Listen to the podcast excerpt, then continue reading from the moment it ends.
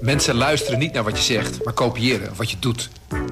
Onze vitaliteitsexpert Martin Hersman helpt je te focussen op wat echt belangrijk is. Beluister en bekijk Martin of een van onze andere experts op businesswise.nl. Businesswise, het nieuwe platform voor iedereen met ambitie. Dit is de podcast Politiek Dichtbij. Met Leendert Beekman en Tobias Den Hartog. In een half uur praten we weer bij over de stand van zaken op het Binnenhof. En daarbij hebben we het natuurlijk over de formatie. Maar afgelopen vrijdag kregen we van Rutte eindelijk te horen waar we al anderhalf jaar op wachten. Stap 3 betekent feitelijk dat er een einde komt aan de lockdown. Natuurlijk, voorlopig zijn er nog beperkingen, maar niet meer zo streng als ze waren. Dus dat we nu zover zijn dat we die harde lockdown achter ons kunnen laten, is gewoon heel fijn en mooi. Wat een heerlijke woorden, Tobias. Ja, Ja, het is toch echt wel, laten we eerlijk zijn, het is echt wel waar, je, waar we naar uitgekeken hebben. Ja, en het zat een, het zat een beetje eh, verstopt in de tekst, vond ik. Ja. Het was niet waar die mee begon. Nee, ik zou daar ook mee begonnen zijn, gezegd. Ja, Eh, misschien is dat wel met opzet. Hè? Dat je, anders eh, wordt, wordt natuurlijk eh, een, een, te grote hoezee-stemming of zo. Maar het was, ja, het is wel een mijlpaal. Maar het is ook weer, dat woordje feitelijk, hè? daar zal ik nog even over nadenken. Als jij tegen je, tegen je vrouw zegt dat je feitelijk van haar houdt, dan doet het eigenlijk af van de boodschap. Ja, Dat, is- ja. daar hou je wel, ja, dat, dat klinkt als een voorwaarde of zo. Ja, maar we moeten ons natuurlijk nog wel aan een hoop houden. Bedoelt u dat? Binnen niet huwelijk? Oh, nee, oh, nee, nee, maar binnen de, binnen de, binnen de maand. De, lockdown is feitelijk afgelopen, maar we hebben, nog, we hebben nog maatregelen. Waar kijk jij nou het meest naar uit, Tobias? Eh, van alle maatregelen die, eh, die we nog hebben, eh, dat die stopt. Ja, kijk, eh, eh, mee, heel praktisch gezien zou ik denk het eerst naar de bioscoop gaan. Dat vind ik echt heel leuk. Maar eh, ik zag eh, bij, bij ons thuis in het, nou wordt het heel persoonlijk, hè, maar in het toilet hangen allemaal foto's. En, een- en op die, een van die foto's is Pinkpop. En dan zie je zo'n mensenmassa en zo. En dan denk ik, ja, shit, hé, dat is bijna iets wat ik helemaal vergeten ben. Hoe het voelt om tussen honderden mensen te staan, weet je wel? Een van, van velen. En dat, dat, nou ja, daar kijk ik eigenlijk wel naar uit. Dat jij zei van, eh je zegt net, ik- de bioscoop kijk Ja, naar uit. Want dat is, eh, dat, dat, dat, daar geniet ik echt heel erg van. Ja. Ik zat ook in, eh, in de lockdown, toen het echt een strenge lockdown was, een film te kijken. En toen was er dus zo'n moment dat allemaal mensen feestend bij elkaar waren. En toen was er iets in mijn hoofd dat zei, hé, hey, maar dat mag helemaal niet. Ja, ja, ja. Mag Zover zo. was je al, eh, stond het al bijna van je af dat dat, dat, weer normaal eh, is. Ja, die, die, die, dat feitelijk einde van die intelligente lockdown, die heette nu ineens wel harde lockdown, hè? maar dat is al 14 maanden. Hè? Ik bedoel, dat is, ja, er, er gaat nogal wat, er kan nogal wat verschuiven in 14 maanden. Dat het dus ergens in jouw hoofd zich vastbijt van eh, dit, dit mag dan niet als je het ziet. Ja. Eh, een collega-verslaggever van ons, eh, die ging naar de eerste Field Lab, Field Lab experiment. Toen de tijd in de jaarbeurs in Utrecht. Ja. En ik had hem aan de lijn, terwijl hij daar was. En hij, hij was helemaal... Ja, Leen, het is, het is echt... Het is zo onwezenlijk wat ik nu meemaak. en dat was eigenlijk gewoon een hele saaie bijeenkomst... waar eh, ondernemers bij elkaar kwamen voor een soort... Ja, zo'n congresachtig... eh, waar iedereen... van die Normaal ben je blij als dat soort dagen voorbij zijn. Ja. Eh, en nu... Ja, het is onwerkelijk. Ja. Om gewoon weer tussen mensen te lopen, drukte. Ja, dat. Ja, Ja. dat. Ja. Nee, en, en kan jij het je nog herinneren de laatste keer? En dan mag het misschien wel de afgelopen 14 maanden... dat je echt op een plek was dat het weer bijna leek... alsof je het normaal, als het wat normaal was. Nou, dat moet dan. eh Nou, ik ben wel eens op, eh, op het strand geweest dat het echt heel druk was. Dat je dacht van, hé hey, verrek, eh, zitten we nog wel in die, eh, in die fase, weet je wel? Dat mensen, het was zo druk dat ik wel dacht van, eh, oei, dit, zijn, dit is echt zo'n typische foto in de krant waar mensen dan schande van gaan spreken, weet je wel? Eh, zeker als je hem vanuit een bepaalde hoek neemt. Maar ja, dat doen wij natuurlijk, journalisten. Hè? Dat, eh, nou, dat is, dat is wel lullig inderdaad. Heel- ja. Een, een vriend van mij is, is ook fotograaf, ook voor deze krant. En die, eh, die maakt dan ook wel zo'n plaatje. En eh, ik, ik heb er wel eens bij gestaan toen hij er eentje maakte bij zo'n recreatieoord. En dan zie je gewoon, ja, zo'n camera. Hij, hij gaat er niet eens naar op zoek, maar zo'n camera. ja, dan heb je ja, hem. die is ervoor, die, die, die, ja, die is ervoor gemaakt om, om dan heel wil te vangen natuurlijk. Dus dan krijg je een beetje lullige beelden. Ik had vorig jaar op een verjaardag. Dat ik op een verjaardag zat. Ja, Dat was toen hè, de- in, midden in de zomer. Dat het allemaal al wat, wat soepeler was. Dat, ja, ja. ja. En toen leek het weer eventjes, dacht ik van, oh wat leuk om, want dat mis Ja. ik ook zo erg. Dat een hoop van mijn vrienden zie ik gewoon helemaal niet meer. Omdat Nee. een natuurlijke moment om elkaar te Ja, zien. ja, ja. Vroeger was dat de kroeg, tegenwoordig zijn het die kinderverjaardagen. Ja. Ja, en die zijn allemaal niet doorgegaan. Nee. En dan zie je, dan zie je bijna niemand meer. Nee. Dan app je wat. En eh, Ja, dat is afstandelijk. Ja. Overigens, die, die, die jubelstemming werd natuurlijk later in de persconferentie. Want ik denk dat heel veel mensen. Ik weet niet wat de kijkcijfers waren hoor. Maar de vrijdagavond is natuurlijk niet super gunstig.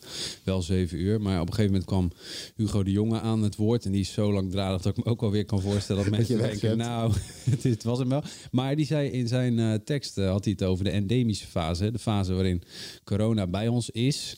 We ermee moeten leren leven. En met een deel van de maatregelen dus ook verder moeten.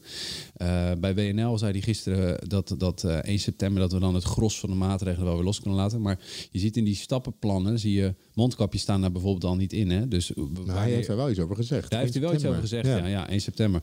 Maar je, je kunt je dus voorstellen dat... Hè, Van Dissel zei dit weekend ook in een interview... dat die, die, die, die eh, vierde golf zit er dan aan, hè? Vierde Ja. golf. Dat hij dat Die verwachtte niet, hè? Nee. NRC zei hij dat. Ja, in NRC zei hij dat, dat hij dat onwaarschijnlijk eh, achter dat dat ging gebeuren. Maar er, is dus, er wordt deze maand, of de volgende maand in juni, wordt dus in, in Den Haag wel gesproken over die endemische fase. Van ja, wat, wat als het virus toch blijft eh, sluimeren onder een deel van de bevolking, hè, of eventuele varianten, hoe, hoe, hoe gaat het leven er dan uitzien? Dus eh, misschien dat Rutte ook met dat in het achterhoofd wel niet durfde te beginnen met het einde van de lockdown. Hoe je, eh, de, hang de vlag uit. Nou, dat mondkapje is ook wel iets wat ik eh, absoluut niet ga missen. Als ik, eh, ja, Ja, En ik vond het ook wel fijn dat gisteren dat bericht kwam. Eh, want hij had het dan bij WNL, had hij dat nog eens een keer gezegd. Eh, dat 1 september, dat hij toch wel verwacht dat dat een maatregel is Ja. die dan eh, voorbij is. ja, ja. En ik was inderdaad aan het zoeken naar die mondkapjes vrijdag. Van ja, wanneer, wordt, wanneer, wanneer horen we dat nou? Dat, Ja. dat, dat dat dus voorbij gaat zijn. Ja. Want dat is ook de angst van mensen die. Eh, nou, van veel mensen. Dat een aantal maatregelen die als vrijheidsbeperking voelen. Ja. Onder andere het mondkapje. Dat die blijvend zullen zijn. Ja.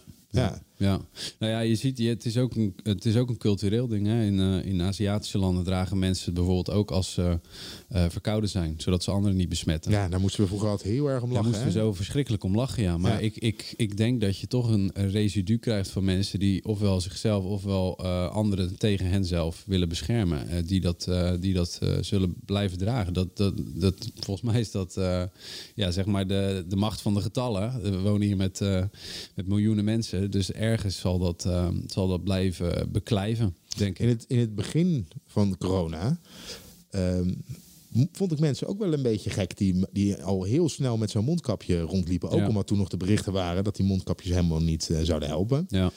Nou, het is Ehm, ook pas sinds vorige week geloof ik dat er sluitend bewijs is dat het kan helpen in bepaalde Ja. situaties. Hè? Ja. Dus ja, het is ook nog eens iets wat, waar, waar de politiek in feite en het RIVM niet aan wilde. Het, is, eh, het OMT heeft nooit geadviseerd, eh, zet die mondkapjes op. Hè? Ik moet eerlijk zeggen dat ik van die mondkapjes opgedrongen. altijd maar wel ben blijven afvragen, werkt dit nou? Ja. Maar wat ik, waarvan ik een idee had dat in ieder geval wel werkt, is die preventieve werking dat er vanuit gaat. Waar, Ja. waarvan dit, Dat waar, waar, bewustzijnsidee. waar- ja, dat Ja. bewustzijnsidee van nou, als we allemaal met dat kapje rondlopen, dan zijn we constant worden we eraan herinnerd dat we toch nog in een, ja, in een wereld leven met corona. Ja. En waar we afstand moeten houden. En, eh, Ja. Zullen we eens luisteren naar Rutte wat hij nou precies zei over wat we dan allemaal wel weer mogen? Per zaterdag 5 juni gaat het dringende advies voor bezoek thuis van maximaal 2 naar maximaal 4 personen vanaf 13 jaar. En hetzelfde geldt vanaf die dag voor de groepsgrootte buiten. Voor de doorstroomlocaties geldt vanaf zaterdag 5 juni binnen en buiten dezelfde heldere norm van één persoon per 10 vierkante meter. Waar mensen zitten geldt vanaf zaterdag 5 juni zowel binnen als buiten een maximale groepsgrootte van 50. Reserveren, vaste zitplaatsen en een checkgesprek zijn verplicht. Wat het probleem is met die persconferentie, het klinkt niet gezellig. Als ik dit zo vertel, denk je niet, nou, ik heb er zin in. Maar daar hebben onze collega's van het Utrecht Nieuwsblad, hebben daar, eh, die hebben het gewoon wel gezellig gemaakt. Die zijn de straat op gegaan. En wat, wat gaan we dan doen zometeen? Nou, in ieder geval naar buiten. Heel veel naar buiten. Terras gaan we open, restaurants gaan open, dus ik denk lekker uit eten. Sowieso naar de bioscoop. Met vrienden lekker op het terras zitten, mooi weer. Wandelen, fietsen, eh, met de camper weg. Nou, ik denk dat wij wel eh, lekker de kroeg in gaan, als het weer kan, en uit eten. We kunnen lekker naar de sauna, dat vinden we leuk om te doen. Maar ook de stad in. Gewoon een terrasje pikken, zitten, bakje koffie. Dus weer dat heerlijke, relaxte gevoel van een zonnetje en buiten zijn. Ja, dat een paar dingen mochten natuurlijk al, maar dit klinkt toch veel gezelliger. Ja, dat dan, klinkt eh. Overigens vond ik die, die laatste persconferentie, het, het hing aan elkaar met eh, van, van eh, als je buiten bent dan dit, als je zit dan dat, als je zoveel vierkante meter hebt dan zus. Ik vond het eerlijk gezegd ook wel een kluwe aan feiten wat over de mensen uitgestort werd. Eh, wat je misschien niet kan voorkomen hoor, maar pff, ja, dat maakt het minder gezellig en wel heel erg ingewikkeld. En Ergens moest je, als je restauranthouder was, moest je ergens eh, op drie kwart even je oren spitsen. En Als je en ben je een saunahouder, dan eh, moet, je, moet je even opletten op dat onderdeel.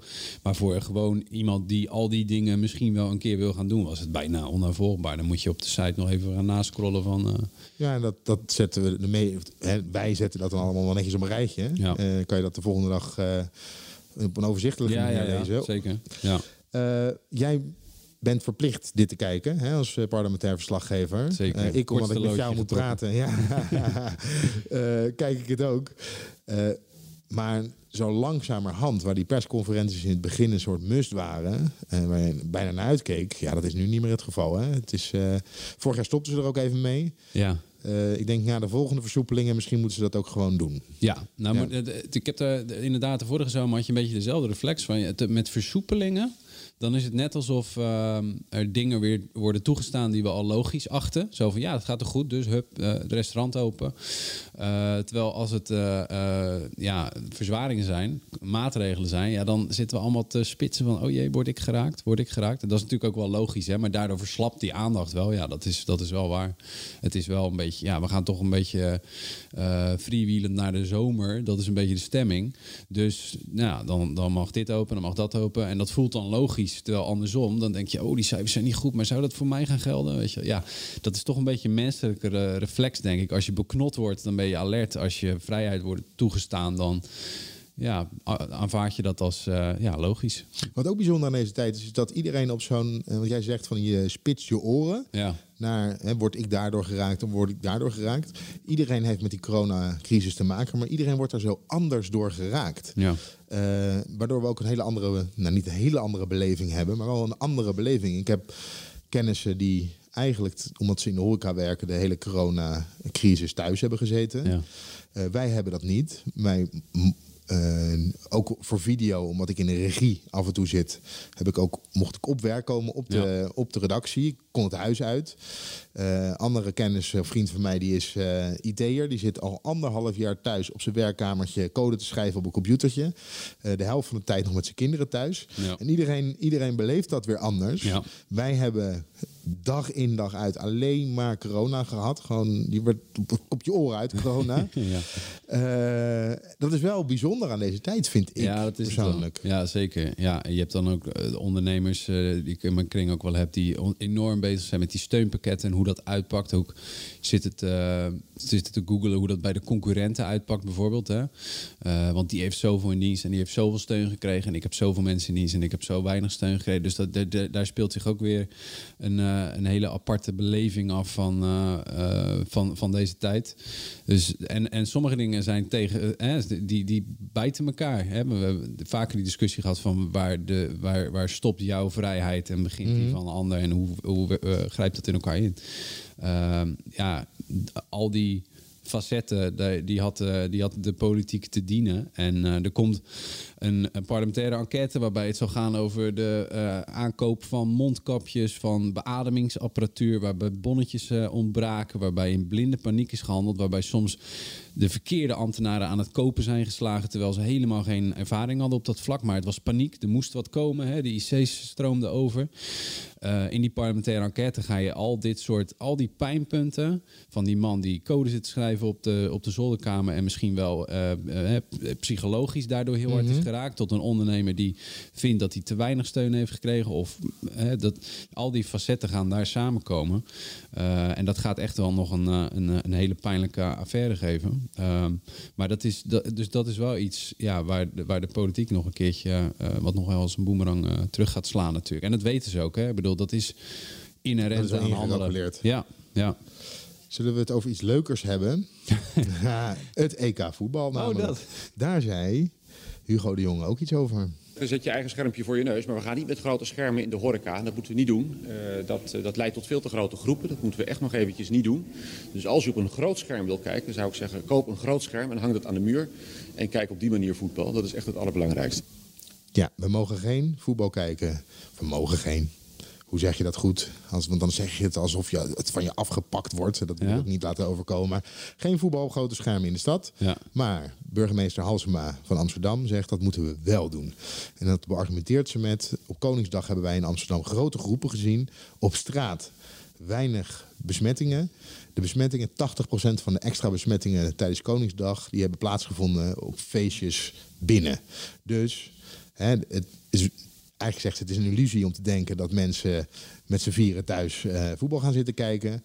Dat worden grotere groepen. Ja. Dus kan je beter op straat gaan staan. Ja. Ik ga helemaal mee in dat verhaal. Ik weet niet hoe jij... eh, Ja, nou, daar gaat wel een, eh, eh, een discussie plaats eh, over vinden tussen het kabinet en de burgemeester. Want, Ja, want de burgemeesters komen vanavond bijeen. Ja, die komen Veiligheidsberaad, vanavond bijeen. 25, Ja. 25 burgemeesters. en dan zit Grappenhuis daar. Nou, die is toch wel een beetje. Niet, denk ik, voor die burgemeesters. Want die, die heeft eigenlijk bij de meeste gevallen dat de burgemeesters om vroegen om meer versoepeling heeft hij nee gezegd.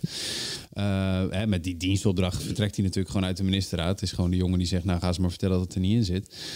Over die schermen. Het kabinet is, is juist geschrokken van Koningsdag. eh, dat daar eh, in Amsterdam, eh, ik meen, 13 clusters van besmettingen zijn geconstateerd achteraf. Ehm, politie heeft daar niet met de lange lat feestjes en, en groepen uit elkaar staan slaan.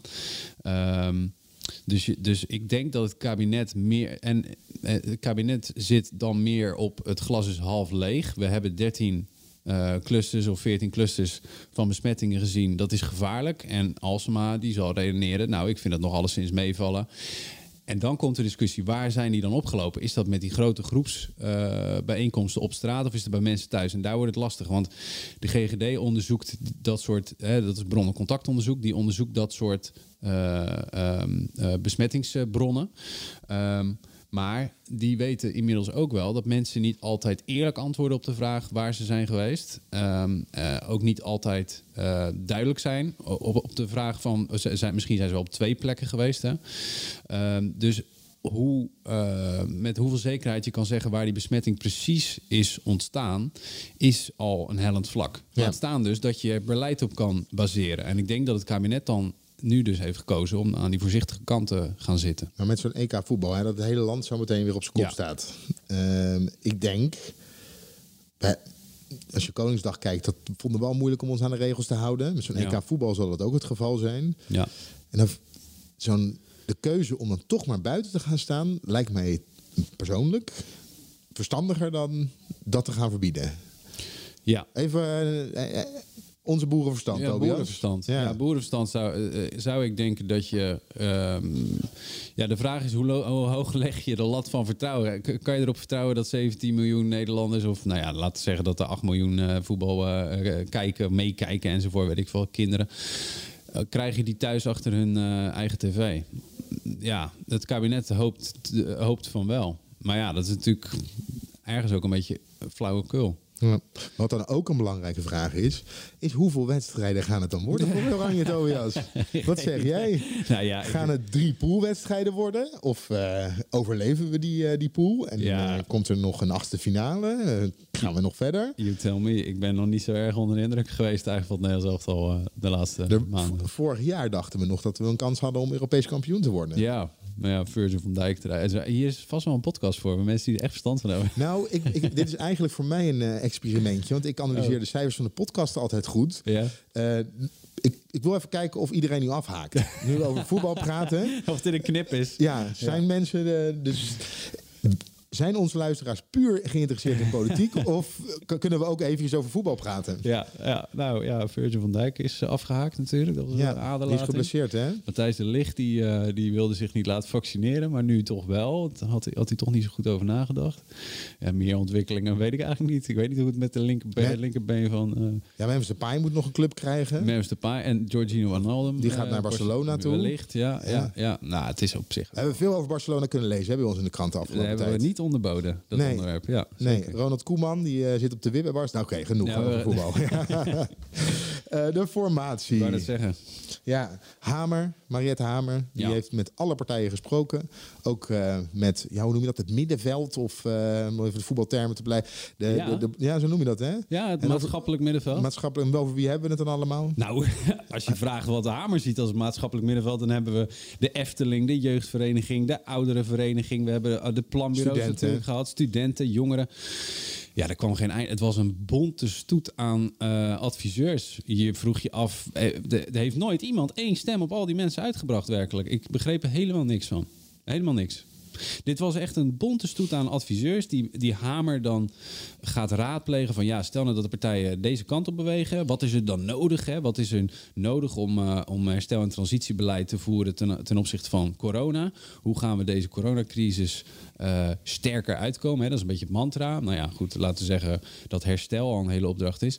Maar dan gaat ze al die partijen langs vragen, tot aan de, eh, de baas van de Efteling voor advies. Terwijl, ja, eigenlijk... En ik begrijp het, hè, dat stond in haar opdracht. Maar ze vat hem wel heel ruim op. Ik weet, er is met, ook bij de partijen, weet ik... met verbazing gekeken naar wie er allemaal... Iedereen is bediend. En wat heeft dat dan opgeleverd? Want Hamer heeft nog één week. En vorige week vrijdag eh, bij een persconferentie vertelde ze wat het heeft opgeleverd. En wat ze de aankomende week gaat doen. Ik ben eigenlijk wel van plan om volgende week, zoals dat heet, mijn derde oog aan te zetten. eh, en goed te gaan kijken wie nu uiteindelijk met elkaar dat draagvlak kan gaan vormen. eh, voor eh, onder andere dat eh, transitie- en herstelbeleid, maar natuurlijk ook voor dat volgende kabinet, wat er hopelijk toch gaat komen. Ook weer een opvallend zinnetje. Hopelijk komt er een volgend kabinet. Kennelijk is ze er zelf ook nog niet zeker van. Ja, of ze, of ze denkt terug aan Keizer Longren en de aantekeningetjes en zo. Het is natuurlijk wel echt een klucht geweest. hè. Ja, dan zou ik hopelijk is dan... eh, ja, dat kan je wel zeggen dan. Ja. Oh, ja, hopelijk gaat het nog lukken. Ja, nee, dat is eh, de, het derde oog, hè?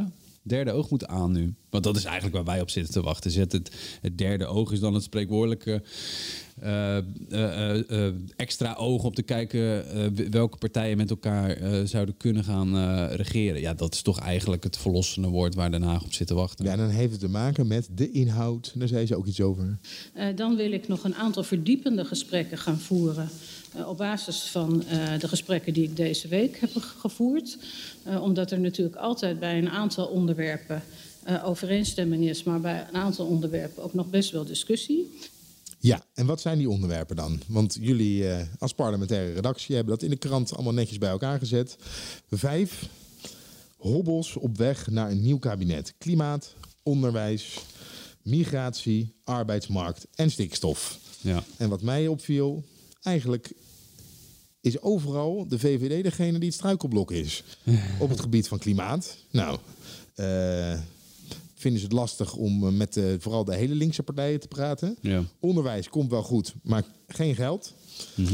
Eh, migratie eh, is nu een minder groot probleem dan het was. Maar in principe is de VVD geen partij die zegt laten we de grenzen open doen.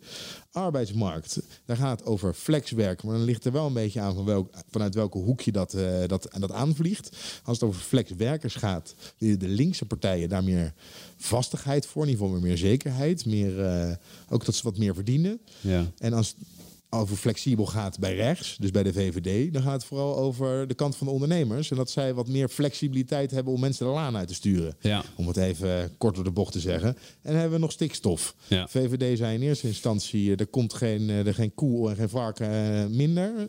Ja. Eh, ze, zijn, ze lijken daarin nou, Ja. ietsjes teruggekrabbeld. Ja. Maar eigenlijk, iedereen moet met de VVD gaan praten. Ja, ja. Nou, laat ik dan even mijn pet van de VVD-woordvoerder opzetten, hè, want hier is wel iets tegen in te brengen. Ehm, als het gaat over stikstof, dan heeft de VVD aanvankelijk inderdaad eh, de hakken in het zand. Geen koe of geen varken minder. Maar later kwam, hè, kwam er toch beweging in dat standpunt... dat eh, de halveren van, van de veestapel, het halveren van de veestapel is geen doel... Maar het kan wel een consequentie zijn van beleid. Nou, dat is, daar zit al nou heel veel eh, speelruimte dus. hè? Als het gaat over de arbeidsmarkt. Kijk, ehm, eh, er zijn partijen die willen eh, flex minder flex maken.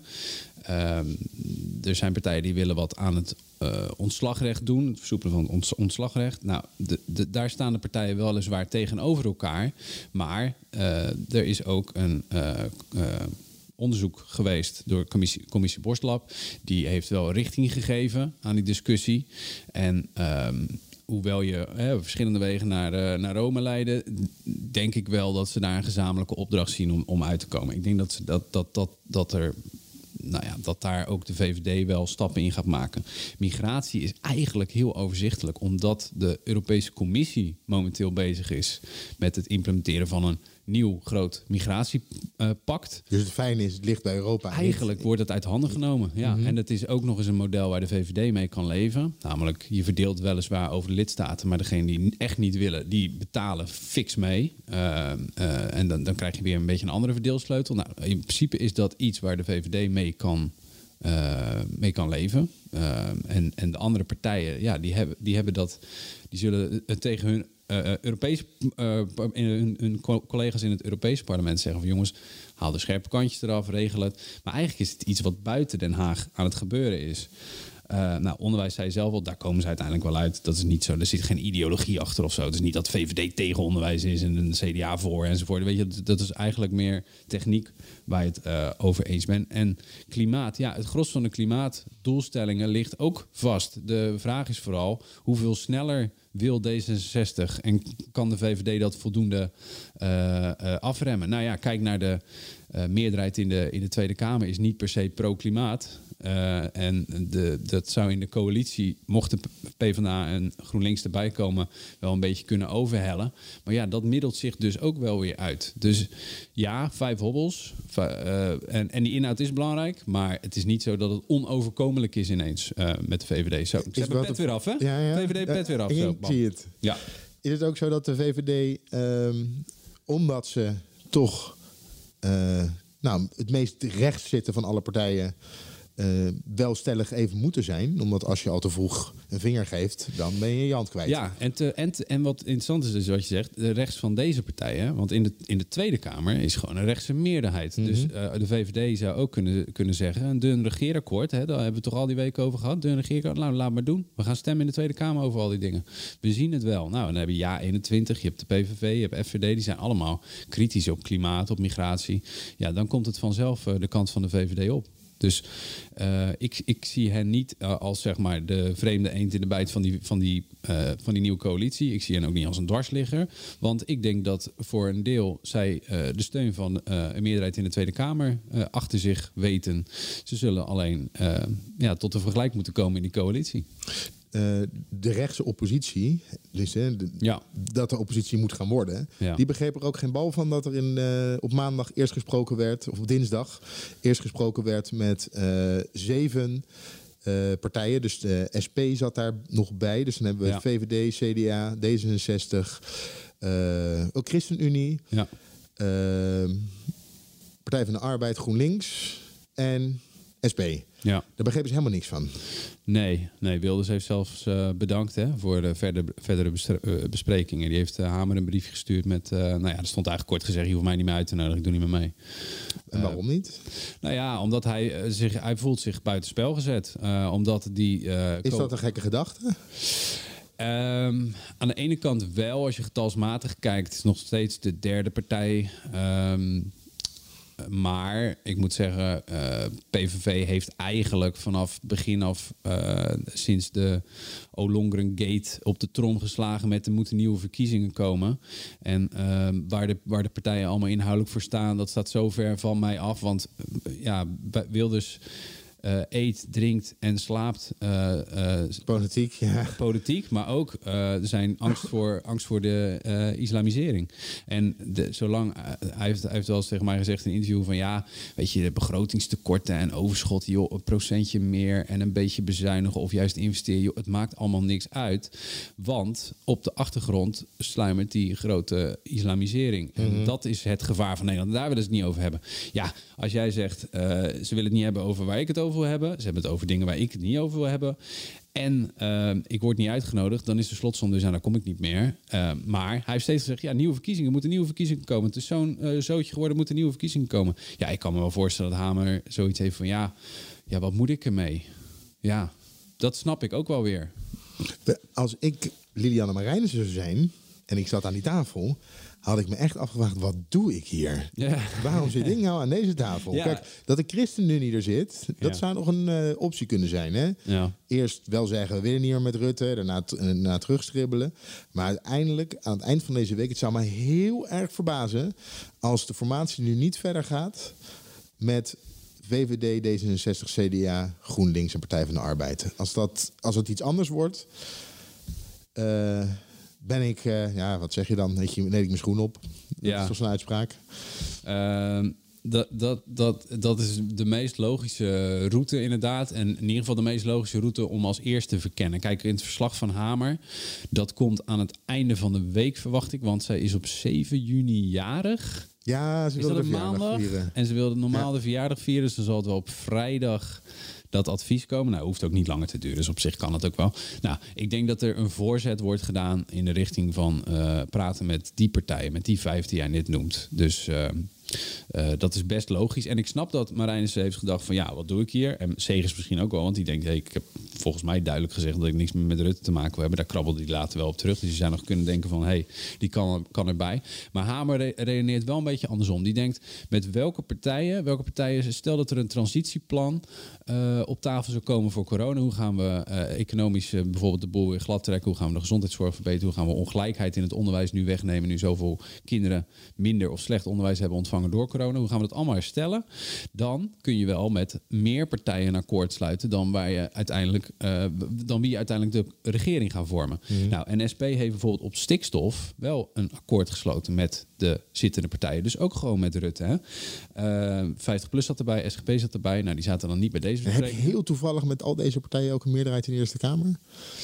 Eh, ja, dan heb je wel een ruime meerderheid in de Eerste Kamer. Ja, Dat is ook zeker. handig, hè? Ja, Ja. dat is handig. Maar daarvan werd wel tegen mij gezegd eh, van de week eh, door zo'n spindokter. Hè, want die trekken je dan af en toe aan jas. Die zei, joh, maar dat, dat is echt, dat, dat maakt niet zoveel uit. Want dat eh, eh, corona-transitiebeleid, dat, dat gaat niet de wereld veranderen. Dat moet ehm, eh, lean en mean zijn. En er moet een brede steun voor zijn. Maar het is niet zo dat we daarmee eh, de nieuwe regering gaat echt een nieuwe lijn uitzetten. Maar voor dat pakket is het fijn als je een brede groep hebt. Nou, ik denk dat Marijnissen donders goed begreep van, oké, daarvoor zit ik hier. Maar niet voor inniger liefde verder. Deze, vier, deze vijf partijen gaan dus naar onze verwachting verder praten. eh, in Oh, dat is de- een voorspelling. Ja, dat is een voorspelling. Oeh, eng. Ja. En wie gaat die kar dan trekken? Wie, welke kar? De, de... De, de, de, formatie. Wie wordt de Oh, formateur? nee. Ja, dit hebben we dus al eerder gedaan. Ik heb twee keer al de verkeerde naam eh, voorspeld. Ja, dat hè? gaan we niet meer doen. Oké, Nee, bedankt voor het luisteren. En eh, als je dit een leuke podcast vindt, meld je dan aan bij eh, Apple Podcast of bij Spotify. En belooft volgende week geen voetbalpraat. We worden dagelijks overladen met overbodige informatie. En het is moeilijk de zin van de onzin te scheiden. Daarom vertrouw ik op echte journalisten in plaats van meningen. Een krantenmens heeft het gemakkelijk. Word ook een krantenmens en lees je favoriete krant nu tot al zes weken gratis. Ga snel naar krant.nl. Bezorging stopt automatisch en op deze actie zijn actievoorwaarden van toepassing.